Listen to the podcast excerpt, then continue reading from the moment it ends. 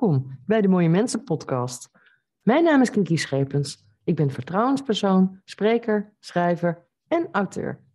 In deze show deel ik waardevolle inzichten over manipulatie en ga ik in gesprek met mooie en echte mensen.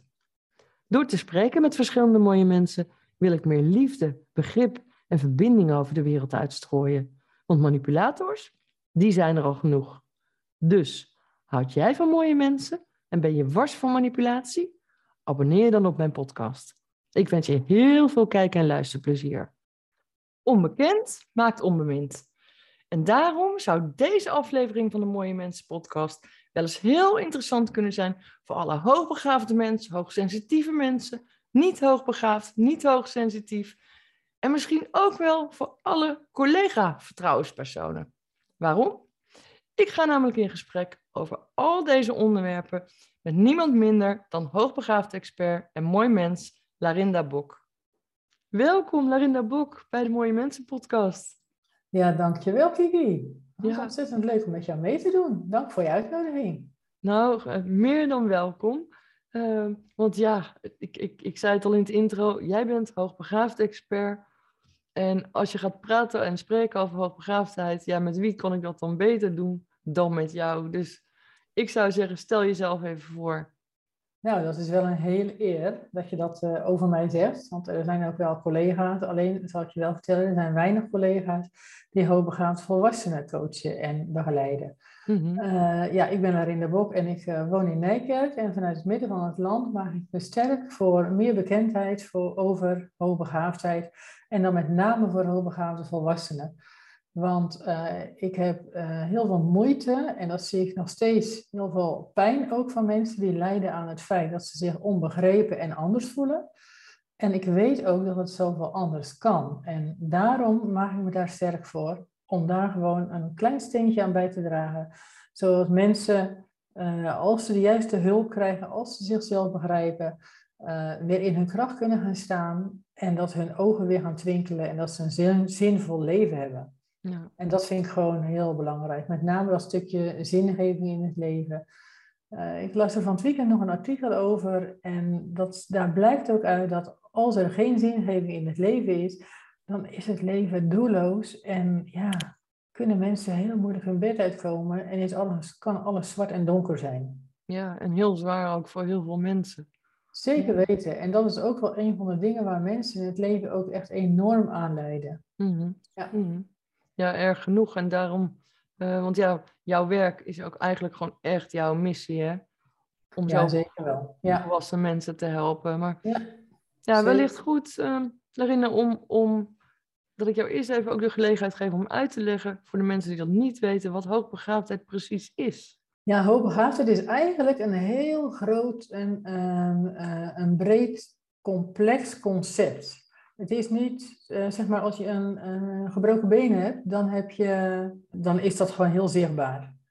Dan weten mensen gewoon van, oké, je been is gebroken, daar zit een breuk en dat kan je op de foto zien. En dat is best wel, eh, bij hoogbegaafdheid is dat anders. Dat is gewoon toch even wat ingewikkelder. En je moet ook bij hoogbegaafdheid, er zijn 23 kerntalenten. Nou hoef je ze niet allemaal te hebben, maar een groot scala van die talenten maakt dat iemand hoogbegaafd zou kunnen zijn, toch? Dat onder andere inderdaad, ja. Uh, maar sowieso is het, uh, het stukje uh, intelligentie, dat is eigenlijk in alle concepten is dat wel aanwezig. Ik zal je ook vertellen dat er wereldwijd is er geen eenduidige definitie over hoogbegaafdheid. Mm -hmm. Maar het is juist een stuk, ja, het is echt een concept. Hoogbegaafde mensen zijn ook vaak autonoom. Die hebben ook een heel rijk geschakeerd gevoelsleven. Op verschillende lagen kunnen ze allerlei dingen voelen en ervaren. Mm -hmm. uh, daarnaast zijn ze ook wel hoogsensitief. En uh, ze kunnen heel veel dingen waarnemen vanuit de omgeving. Dat komt dan weer uh, vanuit de zintuigen. Um, een stukje gedrevenheid. Scheppingsgericht, creativiteit. Hoogbegaafde mensen willen ook heel vaak iets maken, iets doen. Hoef je niet alleen te denken aan bijvoorbeeld kleien of een mooi, uh, mooi kunstwerk maken of een schilder die iets kan creëren. Maar het kan ook zijn bijvoorbeeld iemand die uh, heel goed processen kan analyseren, die zo die verbanden legt en daar een heel mooi uh, schema van maakt. Of bijvoorbeeld een fabriek al die processen kan inventariseren en daar een hele mooie ja, flow van maakt, zodat al die processen heel goed op elkaar aansluiten en dat er dus zo min mogelijk uh, ja, artikelen verloren gaan, tijd verloren gaat, energie verloren gaat, dat er heel efficiënt gewerkt kan worden. Ja. Dat is ook dat stukje creëren in het hoofd. Ja, ik eh, denk zelf ook zo, ja, het verbanden leggen, het denken in oplossingen, uh, dat is ook echt wel een van de kenmerken van hoogbegaafdheid. Hè? En, zeker weten, zeker weten, ja. Ja, ja. maar ook wel iets, uh, want er bestaan natuurlijk ook heel veel vooroordelen over hoogbegaafdheid. Ja. Noem maar eens een paar. Uh, arrogant. Eén vooroordeel is dat uh, ho hoogbegaafde mensen, dat zijn autistische mensen, die zijn slecht in communiceren. Die kunnen niet de verbinding met andere mensen houden. En ja, dat is echt niet zo. Het zit wel in hetzelfde stukje spectrum van het brein, zeg maar. Alleen bij autisme werkt dat net even anders. En wat ik ook wel eens heel jammer vind, is dat er heel vaak door een stukje uh, onvoldoende kennis dat er heel veel misdiagnoses zijn of gemiste diagnoses. Of mensen krijgen een dubbeldiagnose. En uh, dat is eigenlijk onterecht. Ik krijg de laatste weken krijg ik heel veel aanvragen van mensen die een kennismakingsgesprek willen. En die zeggen dan van ja, in het verleden, ik heb als kind zijn de diagnose ADHD gekregen. Mhm. Of iemand die bijvoorbeeld op latere leeftijd, uh, rond de 30, nog een diagnose autisme kreeg maar die altijd het gevoel had dat het nog steeds niet klopte. Mhm. En sommige mensen, die werken zelf ook in de uh, geestelijke gezondheidszorg, of uh, die, die zijn zelf ook zeg maar echt daarmee bekend met allerlei concepten van ADHD, autisme, uh, alle structurele dingen die je, die je tegenkomt, borderliner, noem het maar op. En toch hebben ze zoiets, er klopt iets niet. En dan komen ze op een gegeven moment op een of andere manier hoogbegaafdheid op het spoor. En dan denken ze, oh, maar dit lijkt wel te kloppen. Mhm. En dat zijn dan echt wel ja, hele gemiste kansen eigenlijk, uh, met name vanuit de GGZ. Er is zo weinig bekend over hoogbegaafdheid en de dubbelingen met ook autisme en ADHD. En waar je wel op kan letten, wat, uh, wat bij, specifiek bij hoogbegaafdheid hoort. Hè? Iemand die hoogbegaafd is, die kan prima relaties onderhouden. In de communicatie kan het autosond misgaan. En misschien kan ik er zo meteen nog even wat over zeggen hoe dat komt. Ehm, maar als je dat weet en je beseft het, dan heb je helemaal niet het idee van iemand is autistisch. Sowieso ben ik toch wel een soort anti-label. Weet mhm. je, het kan helpen om een stukje uh, herkenning te geven. Dat het een haakje is van, hé, hey, daardoor begrijp ik mezelf. Maar om iemand echt meteen ook huppakee hoogbegaafd te noemen. En ik vind dat echt wel hele, ja, hele stigma's komt erop te zeggen. Want je bent zoveel meer als iemand met autisme, als iemand met hoogbegaafdheid. Het zit wel diep van binnen in je, maar je bent zoveel meer. Ik snap wat je bedoelt. En overigens natuurlijk is niet elke hoogbegaafde ook automatisch autistisch, hè? Helemaal um, niet, juist niet. Nee, nee, zeker maar, niet. Maar ik denk dan van, want dat labelen, hoe je dat omschrijft, begrijp ik. Maar hoe zou je het dan willen noemen? Want het is vaak ook een manier om uit te kunnen leggen van, nou, ik ben hoogbegaafd, omdat ik, ik aan die en die kenmerken voldoe. Um, ja, en natuurlijk krijg je dan ook vaak te horen van, oh, dus jij zegt dat je intelligent bent. Of, oh, dus jij vindt jezelf zo slim. Klopt, um, inderdaad. Ja. Maar de mensen die zich daar echt in willen verdiepen, die vragen door van, wat betekent dat dan? Wat is dat dan? Want ja, hoe zou je het anders moeten noemen? Nou, en dan zou je inderdaad, als iemand echt oprecht geïnteresseerd is, dan kan je inderdaad zeggen, joh, uh, ik ben hoogbegaafd. Ja. of ik herken me in de persoonskenmerken van hoogbegaafdheid. Dat vind ik ook echt een hele mooie uitspraak eigenlijk, want je bent zoveel meer. Ja, precies. Dus als je, als je het op die manier wel kan noemen, dan is dat heel waardevol. Mm Vaak komen mensen ook bij mij en dan zeggen ze, ja, kan je mij vertellen of ik hoogbegaafd ben? Ik zeg, tuurlijk, we kunnen dat gaan onderzoeken, we kunnen dat gaan identificeren. En dan merk ik gewoon aan het einde van, uh, van een traject, dan zeg ik, zullen we nog even alles wat we nu besproken hebben tegen een aantal modellen uh, leggen? Want ik heb hele uitgebreide modellen met kenmerken van hoogbegaafdheid. En En vaak is dat niet eens nodig, want in de gesprekken krijgen ze al zoveel bevestiging. Ja. Dat ze zich herkennen zeg maar, in, de, in de kenmerken en in datgene wat ik zie. Ik ben altijd ook wel eerlijk dat ik zoiets heb van als ik dus echt zie dat iemand uh, niet hoogbegaafd is, maar wel hoogsensitief bijvoorbeeld, dan ben ik daar ook gewoon eerlijk in. Want anders schep je ook weer verkeerde verwachtingen bij mensen en dat, is ook, uh, dat, dat past ook niet. Ja. Dus dan ja, mensen want... zich ook wel heel erg mee identificeren en dat is ook jammer dan. Ja, want die hoogsensitiviteit, daar kom ik zo op terug hoor. Mm want dat is wat jij doet. Hè? Je begeleidt mensen één op één in jouw praktijk, ja, die vastlopen met hun eigen zijn, als het ware. Ja, dat heb je mooi omschreven, zeker weten. Ja. Hoe ziet zo'n, ja, mag ik het traject noemen, of, of behandelplan of coachingstraject, hoe ziet dat eruit? Ja, behandelplan, uh, behandelplan uh, noem ik het vaak niet, want een behandelplan uh, refereert voor mij, omdat ik ook uit, uit de zorg kom en de hulpverlening, weer aan een stuk de zorg. En ehm, ik word verder ook niet vergoed door zorgverzekeraars, omdat ik, ehm, ik wil geen AGB-code aanvragen. Ik wil me niet verantwoorden tegenover de zorgverzekeraar, omdat ik me dan vast moet laten liggen in maar maximaal één uurtje of drie kwartier uh, coaching met iemand. Weet je, hoogbegaafde mensen hebben het gewoon nodig om direct de diepte in te gaan en dat ook gewoon helemaal goed uit te spitten. En uh, bij zorgverzekeraars, dan krijg je daar onvoldoende tijd voor. Om, dan word je echt gedwongen in een bepaald iets. En bij sommige mensen kan dat, hè, dat je uh, wat korte tijd nodig hebt. Maar meestal hebben consulten van twee uur. Mm En het is per persoon verschillend. Op mijn website Hulpbegaafd Expert heb ik ook geen prijzen staan, omdat ik gewoon echt altijd eerst iemand wil spreken. Uh, dus ik heb altijd uh, rechtsbovenaan mijn website staat een knop voor een kennismakingsgesprek. Maken we even een half uurtje kennis. En wat ik daar fijn aan vind is dat ik dan zeg maar de mensen uh, kan ontmoeten. Zij kunnen mij allerlei vragen stellen. We kunnen horen en ervaren of dat er een wederzijdse klik is. Ook belangrijk. Ja, dat is echt heel belangrijk, want dat bepaalt ook met name de, het slagen van een coachtraject. Ja. En als ik zelf merk dat ik onvoldoende klik heb met mensen, dan uh, bespreek ik dat meteen. Of ik stuur naderhand nog even een mailtje. En uh, dat heb ik ook een paar keer gedaan. Uh, dat ik ze met ze mee wil denken, maar dat zij toch niet de juiste persoon zijn om door mij gecoacht te worden. Ja. Ja dat doe ik ook bij uh, mensen bij wie de problematiek heel erg complex is of echt ernstige trauma's hebben van vroeger. Mhm. Dat zijn dingen waar ik zelf ook niet aan begin. Als mensen echt zo enorm in de put zitten en getraumatiseerd zijn, uh, daar, dat, uh, dat is niet mijn expertise.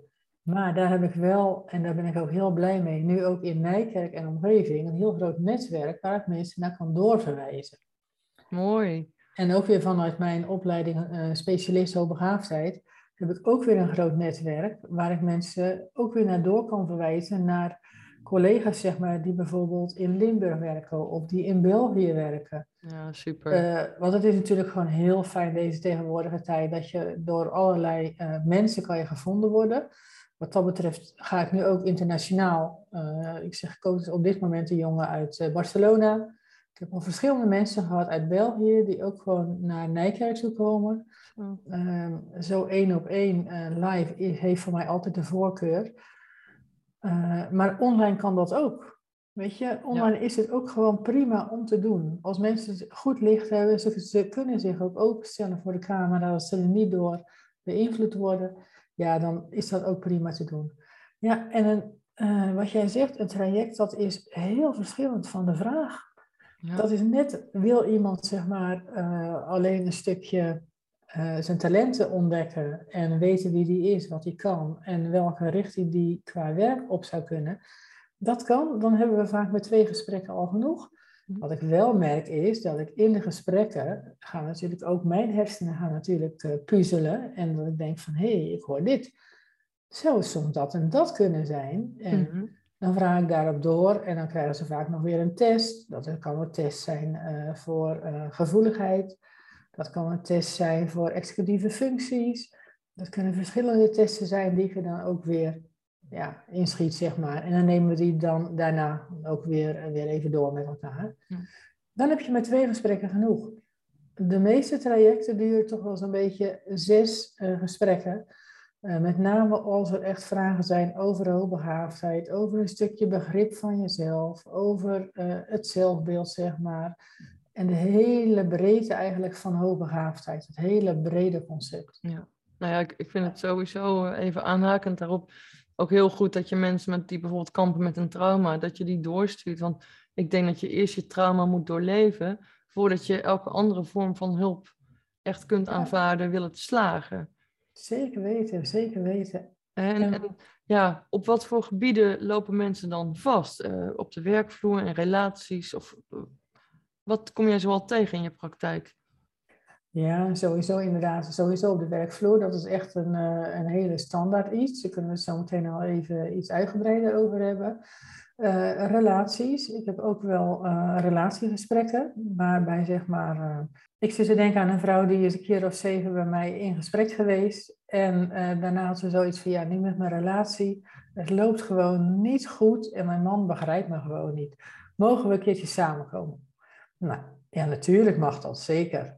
Want ik kende haar inmiddels heel, heel goed en zij heeft ook best wel heel veel moeilijke en trauma's ook in het verleden meegemaakt. Maar daar was ze al wel mee, uh, uh, ja, moet ik zeggen, daar zat ze niet diep in vast. Mm-hmm. Daar kon ze echt gewoon goed over praten en dat, dat was gewoon ook heel reëel eigenlijk. Maar goed, toen met die, uh, met die echtgenoot, die had echt zoiets van, wow, ik doe het niet goed. En ik ga zo meteen echt op mijn donder dat mijn vrouw beter moet, moet behandelen. Mm-hmm. Kan ik me ook wel heel goed voorstellen hoor. Hij had echt zoiets, ja, dan moet ik naar haar toe. En dan zit ik daar met twee van die slimme mensen. En dan denk ik van, Oh, dat was echt niet de bedoeling. Helemaal niet. Het was meer om begrip te creëren tussen elkaar. Dat hij begreep uit welke situatie zij kwam en welke impact dat op haar had. Ook met haar gevoeligheden, maar ook gewoon uh, helemaal in haar zijn gewoon. Hoogbegaafde mensen kunnen zo enorm anders zijn en anders denken. En deze man had ook gewoon een hele goede kantoorbaan en was ook gewoon goed opgeleid. Alleen net dat stukje in het anders zijn, hè, in het nieuwsgierig zijn, in de intensiteit, in de gevoeligheid, zeg maar. Dat kan al enorm uh, verwarrend zijn. En als je dat niet weet van elkaar, en ja, klinkt misschien een beetje vervelend, maar vreemde ogen kunnen nog makkelijker iets zeggen als dat je dat met elkaar in een relatie zegt. Ja, je uh, gaf het in het begin ook al aan, hè, dat het uh, vooral vaak misgaat op het vlak van communicatie. Ja, um, zeker. Nou ja, zojuist heb je eigenlijk ook omschreven dat, dat wanneer er onbegrip is, hè, als je dingen begrijpbaar maakt, maak je ze ook grijpbaar. Um, maar op welke manieren gaat het dan vaak mis bij hoogbegaafden in de communicatie met anderen? Weet je, hoogbegaafde mensen denken gewoon heel snel. En uh, de, ik, ik, neem even een werksituatie in gedachten. Dan, dan zien ze iets en dan traceren ze iets, zeg maar, wat beter kan. Dan hebben ze eigenlijk meteen al de oplossing. En dat klinkt voor andere mensen heel ongeloofwaardig, maar zo werkt het gewoon. Ze gaan even na, ze weten een aantal dingen af en uh, ze leggen allerlei verbanden en dan zien ze de oplossing. Wel met het risico om mensen voorbij te streven, om onvoldoende soms uh, situaties in de organisatie nog even na te checken. Maar dat komt in een later proces. Mm-hmm. Maar in dat hele snelle proces kunnen ze soms in één keer zeggen tegen een leidinggevende bijvoorbeeld. Hè, en uh, ja, hoogbegaafde mensen die denken uh, niet hiërarchisch, die denken heel gelijkwaardig vaak. Terwijl uh, niet hoogbegaafde mensen, die denken toch vaak heel hiërarchisch. Zo van een manager, die heeft zoiets van, nou, ik ben de manager. En natuurlijk, ik heb mijn mensen nodig, maar ik ben wel degene die leiding geeft. Mm-hmm. Als er dan iemand komt en die heeft net twee maanden, heeft hij zeg maar uh, een contract bij jou. En die weet dan meteen al de vinger op de zere plek te leggen dan kan die manager wel denken van, hé, hey, wil jij soms op mijn stoel zitten? Mm-hmm. En als het dan ook nog even gewoon wordt verteld, hè, opgehouden mensen zijn ook vaak gewoon open, eerlijk en uh, die verwachten dat ook van andere mensen, hebben een hoog rechtvaardigheidsgevoel en die hebben zoiets van, weet je, als we nu, uh, joh, ik heb dat en dat gezien. En uh, als we dat nu zo en zo oplossen en we kunnen die en die er ook nog bij betrekken, ja, dan kunnen we dingen veel efficiënter. Ja. En voor andere mensen is dat soms onbegrijpelijk hoe snel zij dingen kunnen traceren. Ja. Ja. Eh, en dan kan die leidinggevende kan dan denken van, wow, wil je op mijn stoel zitten? Of, wow, jij zegt het wel even heel snel, wie denk je wel niet dat je bent? Hè? ja. Ja, dat zijn echt wel hele essentiële dingen waar ze dan tegenaan lopen. Of jaloerse collega's, hè, omdat je een bedweter bent. Ja, ook dat. Ja, zeker ook wel. vaak. Dat, eh, Ja, ja. En dan Ja, kan ik- je het nog zo aardig en goed bedoeld zeggen. Maar mensen die, die begrijpen niet dat je zo snel iets door kan hebben. Nee, die vinden dat echt, echt, ja, die kunnen, die kunnen zich dat ook niet voorstellen vaak. Nee, zeker niet. Nee. En het- ik zeg altijd, het is geen niet willen, maar het is gewoon een onvermogen. Ze kunnen dat gewoon niet. En Ja, dat betekent niet dat zij minder zijn. Helemaal niet. We zijn allemaal gelijk. Maar iedereen heeft zo zijn kwaliteiten. ja. Je, je hebt elkaar nodig. Ja nou en of, allemaal. Ja, zeker weten. Maar stel nou als ik als vertrouwenspersoon hè, en, en collega's met mij iemand tegenkomen die bijvoorbeeld tegen een burn-out aanzit en ik zou een vermoeden hebben van hoogbegaafdheid, dan zou ik ze dus ook naar jou door kunnen sturen ehm, ja, om, om, om te begeleiden, zodat ze gewoon weer in contact komen met zichzelf en met de werkgever.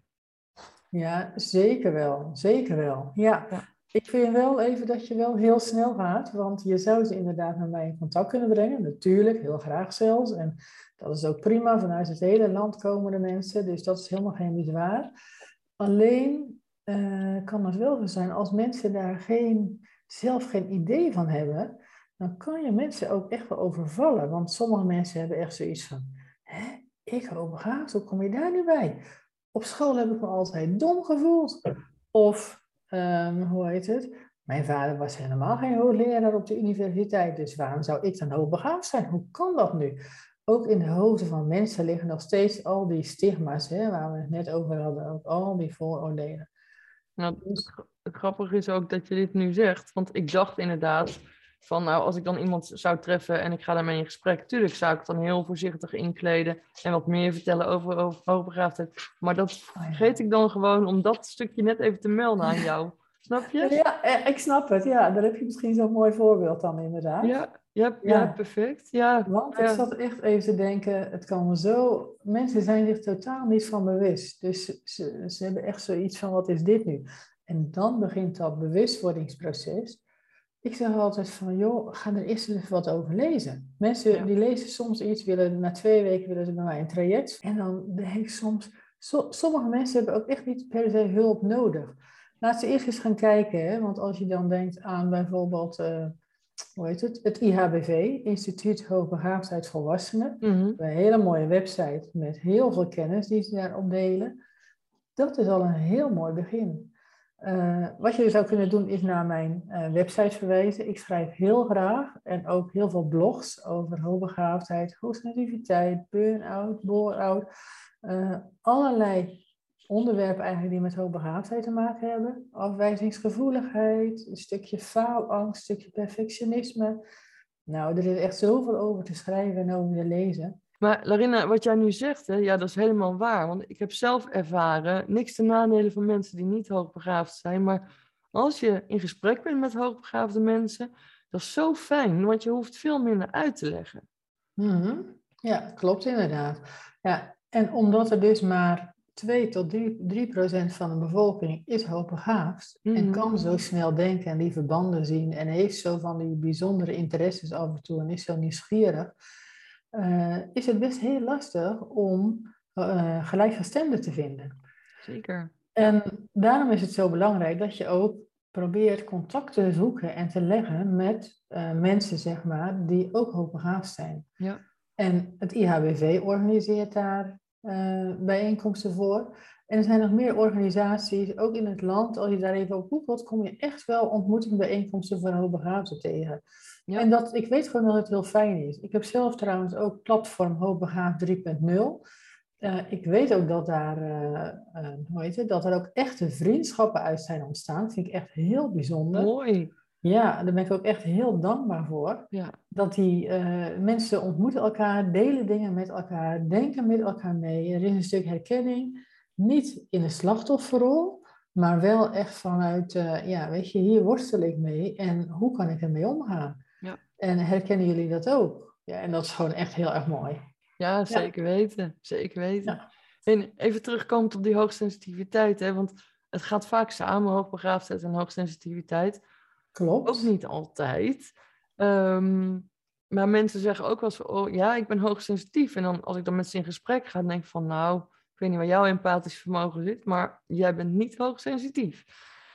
Wat zijn nou de verschillen, kun je dat aangeven, tussen hoogsensitiviteit en hoogbegaafdheid? Of ja, wat je daar zelf over wilt vertellen?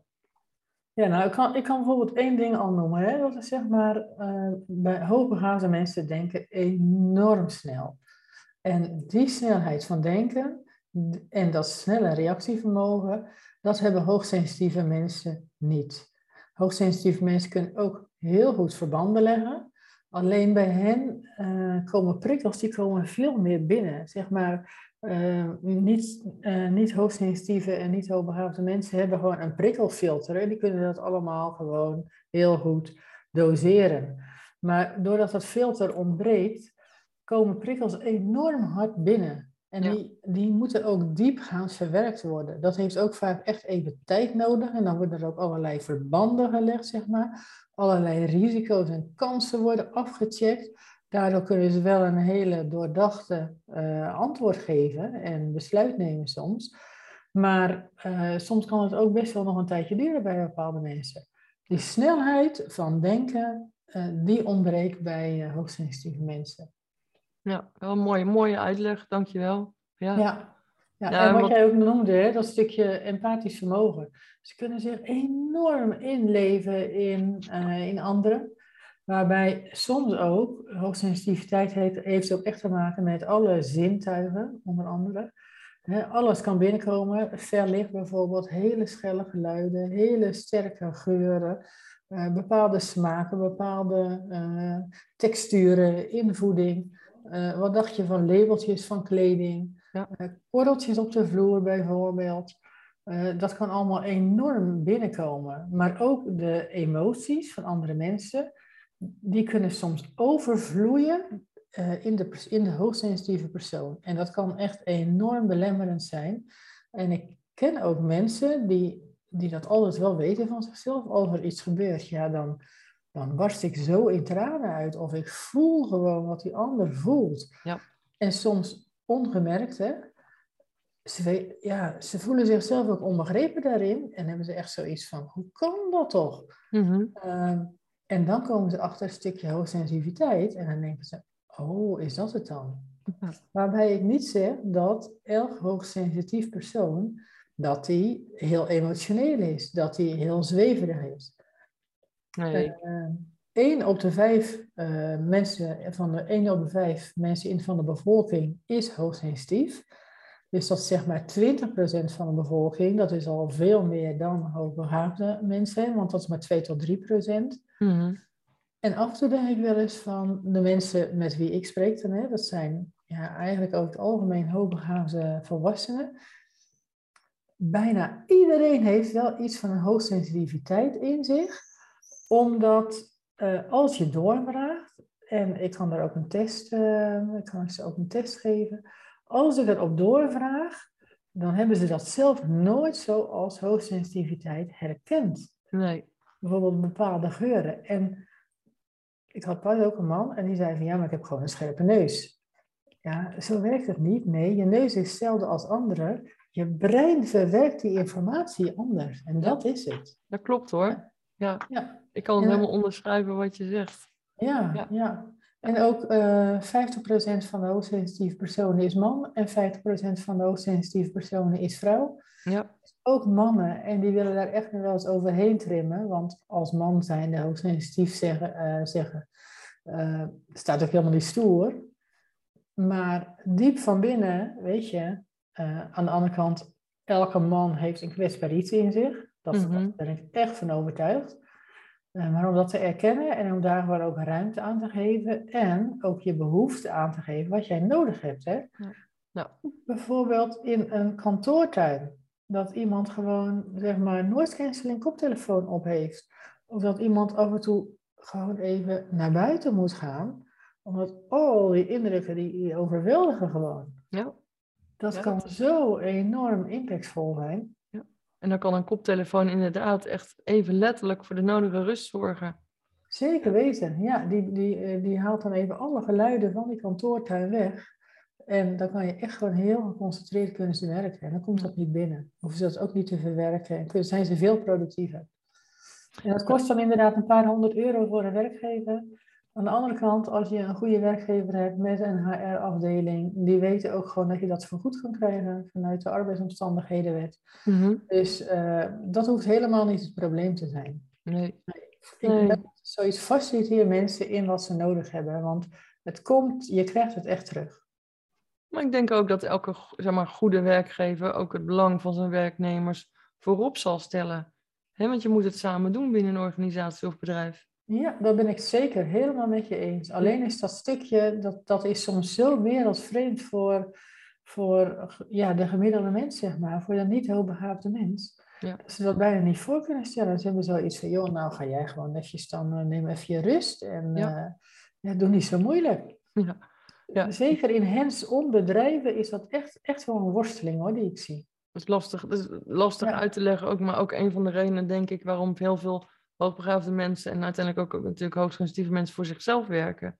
Ja, zeker wel. Ja, zeker wel. Dat, Ah, eh, daar heeft ook wel een stukje autonomie mee te maken hoor. ja, Ja, een stukje snelverbanden zien, het stukje lastig over kunnen brengen, eh, de communicatie en ja, een stukje autonomie. Hè?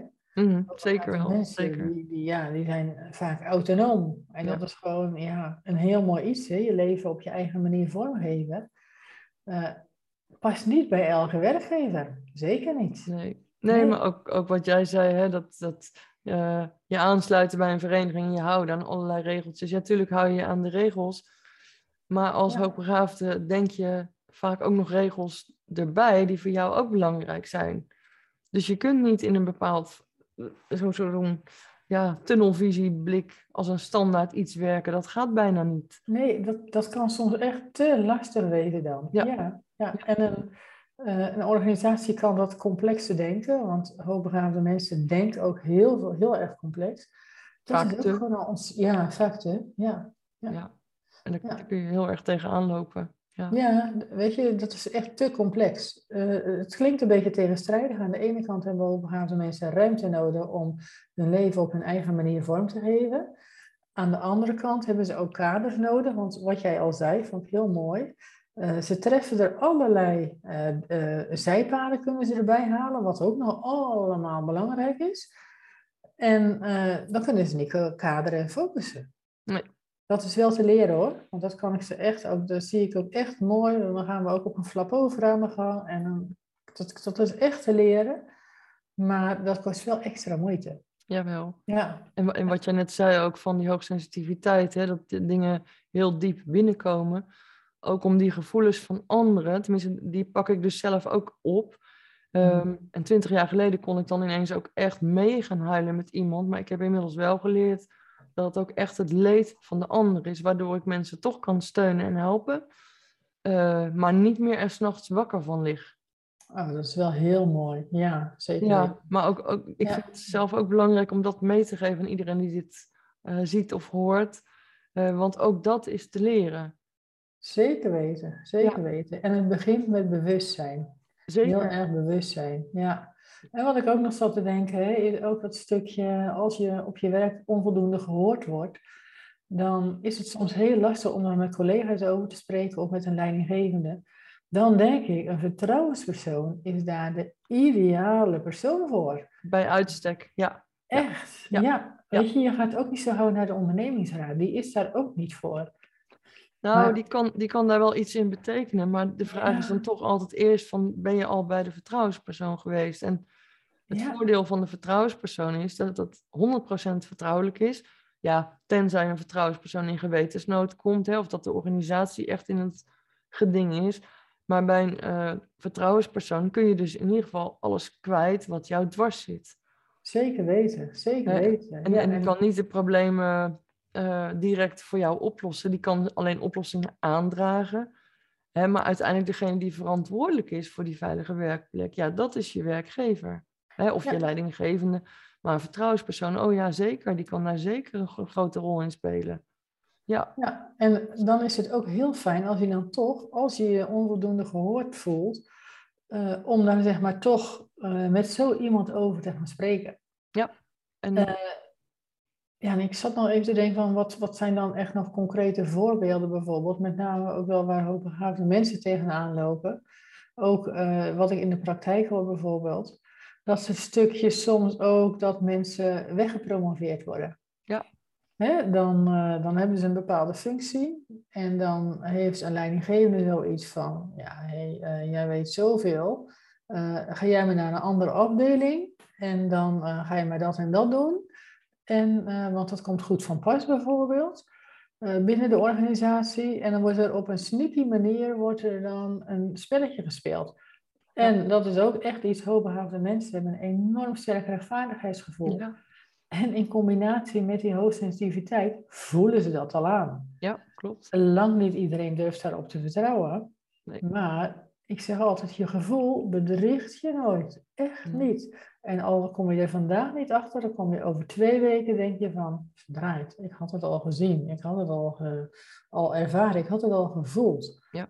Ja. Dat, en dat is bijvoorbeeld toch iets om echt, dat zou ik ook iedereen op willen roepen, luister naar je gevoel. En als je denkt, het klopt niet, weet je, een vertrouwenspersoon kent ook de organisatie. Het is altijd zo fijn om even iemand te hebben die je minder goed kent, maar die ook onafhankelijk van de organisatie is, onafhankelijk van jouw persoonlijkheid, van je functie, om daarmee te sparren. Ja, vertellen is sparren, hè, zeg ik altijd. Ja, zeker weten. Ja. En wat jij zegt over dat ja, luisteren naar je gevoel. Nou ja, goed, je was een van de manuscriptlezers van mijn boek. Als er iemand is die weet hoe belangrijk het is om juist naar je gevoel te luisteren, altijd. Ja, ik ben daar op een gegeven moment van afgeweken, maar toch weer naar teruggekeerd. Nou, ik ben blij dat ik gewoon weer mezelf heb teruggevonden, want je gevoel is zo belangrijk. Zeker weten. En wat ook wel het nadeel is, hoogbegaafde mensen hebben een enorm sterk brein. Kunnen alles, alles analyseren, alles rationaliseren. En daarom is het ook soms zo lastig voor ze om de juiste hulpverlener te vinden. Ja. Want sommige hulpverleners kunnen enorm bedreigd, uh, zich bedreigd voelen door iemand die tegenover hen zit, die al van alles heeft uitgezocht. Ik heb soms ook mensen ik had pas nog iemand aan de telefoon en uh, die was er echt sterk van overtuigd dat hoogbegaafdheid was een IQ van 130 en dat was het. En dan moest je bewijzen met een intelligentietest. Nou, ik heb geprobeerd uit te leggen wat er nog meer uh, kenmerkend is aan hoogbegaafdheid. Ja. Maar dat kwam echt niet over. En ja, weet je, dan stop ik ook. Als je het zo goed weet, nou, weet je, laat dan een intelligentietest doen. Als ik dan tegelijkertijd ook nog een stukje onzekerheid merk faalangst en perfectionisme, nou, dan waarschuw ik mensen vaak wel even van, doe alsjeblieft een hele goede intelligentietest. Mhm. Want investeer daar ook in. Uh, want een testje in een grote zaal, zeg maar, bij bijvoorbeeld Mensa, waar je onvoldoende persoonlijke begeleiding krijgt, wat gewoon een hele statische test is, waarbij mensen kunnen blokken. Uh, sommige mensen die, uh, hebben gewoon wat minder rekencapaciteit en rekenvermogen, waardoor ze kunnen faalangst, zeg maar, kunnen falen, waardoor ze niet meer verder kunnen. Nee. Of door het brede verbanden zien kunnen ze alles bijhalen als ze denken, zo simpel kan het antwoord toch niet zijn. En als je een dynamische test hebt, daar word je gewoon geholpen en dan krijg je even een richting. En dat gaat natuurlijk niet oneindig door, maar dan, dan krijg je er wel begeleiding in. En dat kost inderdaad wat, maar als je dat nou zo graag wil en het helpt jou, doe het dan vooral, maar investeer dan wel in goede, uh, goede uh, methodieken. Ja, zo herkenbaar wat jij zegt.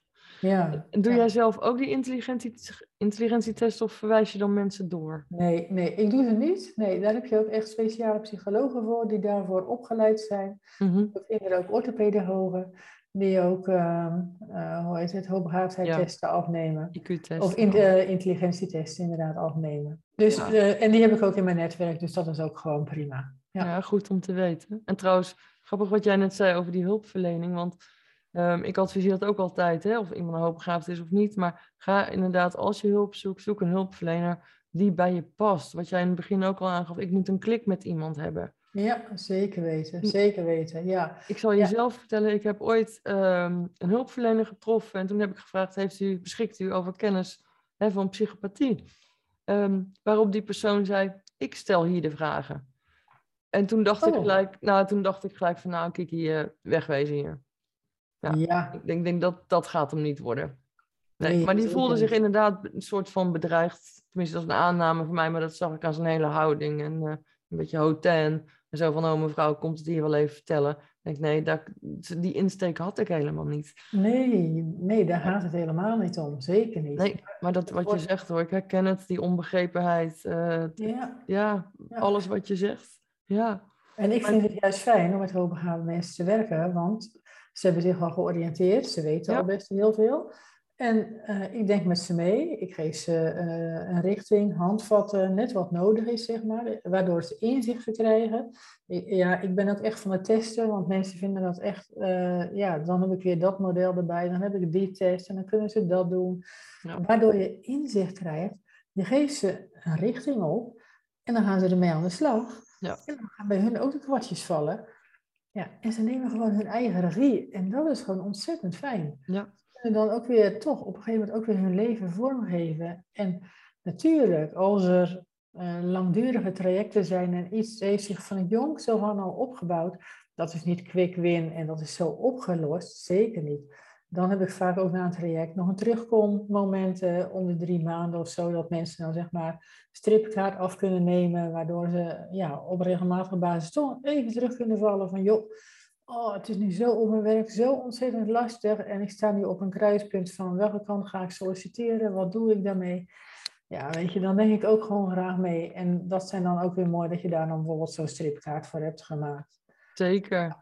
Niet alleen dat stukje, dat stukje klik. Ik vind het ook heel belangrijk dat iemand ook uh, ervoor opgeleid is om met hoogbegaafde mensen te werken. Ja. Ik weet gewoon een stukje ervaringsdeskundigheid kan helpen. Ik geef zelf ook wel eens een voorbeeld uit mijn eigen leven, dat ik mezelf niet begrepen voelde of wat ook.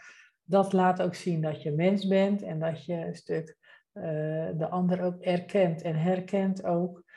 Uh, maar je hebt ook gewoon gedegen kennis nodig. En omdat het zo'n complex uh, concept is, wat al vanaf de jongs af aan, hè, baby's die kunnen hoogbegaafd zijn. Ja. Je bent niet opeens, als je 50 bent, opeens hoogbegaafd. Nee, dat heb je al van jongs af aan gehad. En ik had vanmorgen nog iemand en die zei, ja, nog steeds blijven de kwartjes vallen. En die is al heel wat keren bij mij geweest. Dus nog steeds denk ik van, oh, maar dat is het en dat is het. Ja, ja nou, ik vind het zo mooi dat je je expertise deelt. Ik, en ik hoop ook echt dat we daarmee bijdragen om veel meer bekendheid en duidelijkheid te verschaffen over hoogbegaafdheid. Maar zeker nu ook weer, ik weer met jou spreek, merk ik gewoon, je hebt zo'n bak aan ervaring. Maar jij, jij bent nog steeds in beweging, want je bent nog steeds bezig met opleidingen. Um, hoe is daar eigenlijk mee? Wat, want ongetwijfeld, wat doe je op dit moment? Ja, ja wat doe ik op dit moment? Uh, op dit moment ben ik uh, in de afrondende fase om X-master te worden. Mm -hmm. En X staat voor Acceptance and Commitment Therapie. Mm -hmm. Uh, dan moet ik nog twee dagen opleiding vervolgen en dan mag ik mezelf master noemen. Dus dat is ook heel mooi. En dat is een hele mooie therapie die heel goed werkt bij hoogbegaafde volwassenen. Omdat cognitieve gedragstherapie, die slaat onvoldoende aan bij hoogbegaafde mensen. En juist dat stukje leven vanuit je waarde, accepteren uh, de situatie hoe het is, afstand nemen van alle gedachten en uit je brein gaan naar je gevoel gaan uh, juist een heel positief zelfbeeld uh, creëren en waarderen. Dat leer je met de ACT-therapie. Ja. En even terugkomend op jouw vraag, want dit was weer een uitstapje. Gek, dat is dan ook leuk. Ja, zo is het inderdaad. Ja, ja. Op dit moment ben ik bezig met wetenschappelijk onderzoek aan de Radboud Universiteit, want ik heb zeg maar, het theoretisch gedeelte van en de praktijk van de spe opleiding specialist hoogbegaafdheid heb ik afgerond. Mm -hmm. En ik wilde altijd nog wel eens wetenschappelijk onderzoek doen. Dus dit is eigenlijk een extraatje op die opleiding. En uh, nu, nu, ben, nu, ben, ik aan het onderzoeken welke aspecten van het zelfbeeld zo goed aangeraakt worden door, dat, door de acceptance en commitment therapie. Wauw. Ehm, want acceptance en commitment therapie werkt mee aan psychologische flexibiliteit, dus aan veerkracht in het leven. En eh, ik zie dat gewoon terugkomen, die veerkracht. En dan ben ik zo benieuwd van, wat is dat dan? Waar werkt dan die acceptance en commitment therapie aan? Hoe mensen zeg maar hun mindset om kunnen uh, zetten, hoe mensen flexibeler worden in hun denken, hoe ze bepaalde situaties kunnen gaan herkennen en daar goed kunnen acteren, effectief kunnen uh, acteren, zeg maar. En dat gaat op heel veel verschillende levensdomeinen. Dus dat is ook gewoon heel erg mooi. Op je ja, uh, werkrelatie, sociaal, emotioneel. En mensen die echt keihard aan het werk geweest zijn uh, met de acceptance en commitment therapie, die zie ik gewoon openbloeien. En ik kreeg vanmorgen nog een foto van een oud klant. Die werd op een podium geroepen vorige week.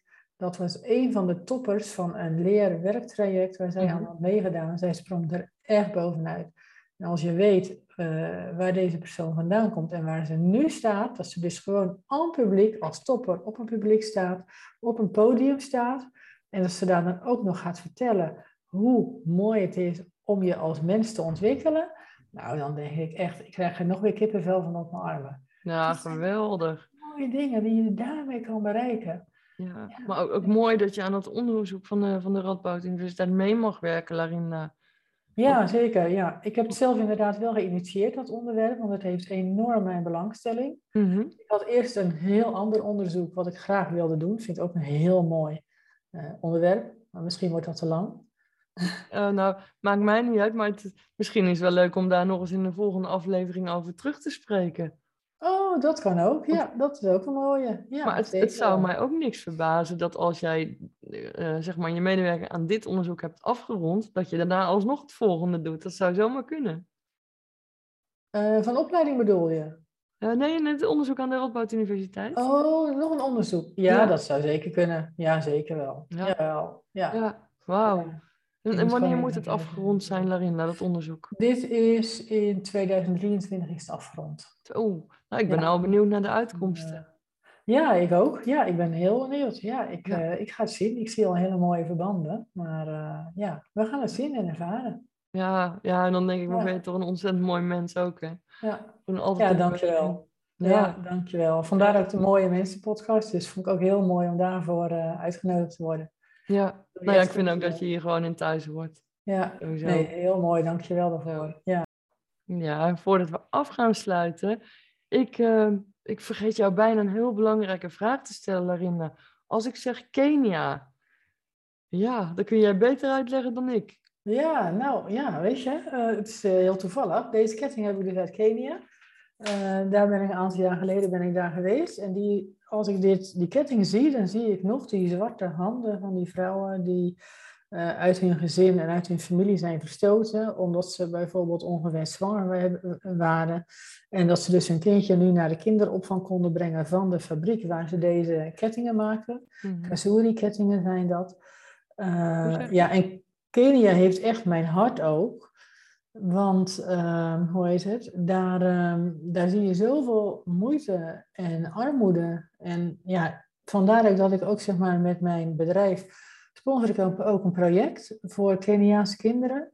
En dan met name kinderen die gewoon het, ja, het thuis heel slecht hebben, die eigenlijk in zo'n hutje wonen en waarvan de vader uh, niet kan werken of heel weinig verdient, zeg maar. Het zijn echt, kinderen zijn ook echt de slachtoffers van de armoede daar. Ja, en een stukje, ja, een stukje onderwijs en gezondheidszorg, goede voeding met die sponsoring draag ik daarin bij, aan bij. En dat ze dus ook bijvoorbeeld een schooluniform kunnen krijgen. Want dat heb je in Kenia, dan zie je ze ook lopen zo in rijen, ook zo naar de scholen toe in al die uniformen. Ja, en dat is gewoon heel mooi. En ik doe dat ook bij een hele uh, betrouwbare organisatie. Ik heb ook uh, regelmatig contact. Dan schrijf ik ook nog met, uh, met zeg maar, de ouders van, van de kinderen. Mm -hmm. krijg ik ook weer een brief terug, dat ze dan bijvoorbeeld zo dankbaar zijn met kleine stickertjes die ik dan één keer in het jaar richting hun verjaardag stuur. Oh. Uh, ik heb zelf ook die blije gezichten gezien toen wij in Kenia waren, dat je ze bijvoorbeeld een, een plastic armbandje gaf, waar ze echt zo blij mee waren en renden naar hun broertjes en zusjes, die kwamen ook allemaal, had ik meegenomen uit Nederland. Ja, weet je, die mensen zijn zo dankbaar voor de hele kleine dingen. Maar juist ook het onderwijs ook aan kinderen in Kenia. En als je ook weet dat er in Kenia zijn ook hoogbegaafde kinderen. Alleen die hebben gewoon die, die lage sociale economische status. Die, die belemmert hen om te gaan groeien. En dan denk ik, ja, als ik dan toch een stukje, ehm, ja, in, uh, hoe heet het? Uh, een stukje opbrengst van mijn bedrijf, zeg maar, als ik daar ook mee impact kan maken in Kenia, dan vind ik dat gewoon heel mooi. Ja, geweldig. Ja, dus voor elk consult wat ik heb, draag ik een bepaald percentage af en dat, uh, dat gaat dan naar Kenia.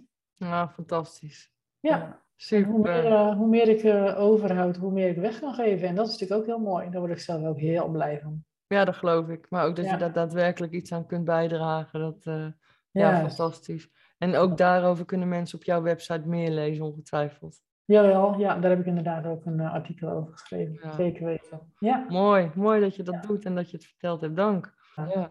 Wat, wat is nou dan jouw definitie van een mooi mens? Mijn definitie van een mooi mens? Een mooi mens, dat vind ik iemand die heel integer en authentiek is. Dat vind ik echt een mooi mens. En die, die open staat, onbevooroordeeld. Uh, voor andere mensen dat hij mag zijn, uh, dat de ander ook mag zijn zoals hij is. En daar ook totaal geen mening of oordeel over heeft. Nee. Dat is ook helemaal niet nodig, jongens. We hebben allemaal genoeg van onszelf. En als we zo in het leven staan, dan, uh, dan is het leven zoveel rijker. Ja, ik geloof altijd echt ook als je leeft vanuit liefde, dan sta je ook in het licht. En dan ja, kun je die ook verspreiden over de wereld. Ja, dat vond ik echt zo mooi ook, Kiki, toen ik jouw manuscript las van Sextortion. Mm wat jij ook schreef over liefde overwint alles. Dacht ik, wow, als je dat boek voor jou gelezen hebt en dan die zin aan het einde leest, dan denk je, als je zoiets kan schrijven en zo ook in je leven, kan, uh, daar leef je ook echt uit, dat merk ik ook bij jou. Mm, dank je. Nou, dan ben je echt, uh, heb je een hele weg afgelegd. Respect. Ja, nou, ja. dankjewel. Maar het verrijkt ook echt wel je leven.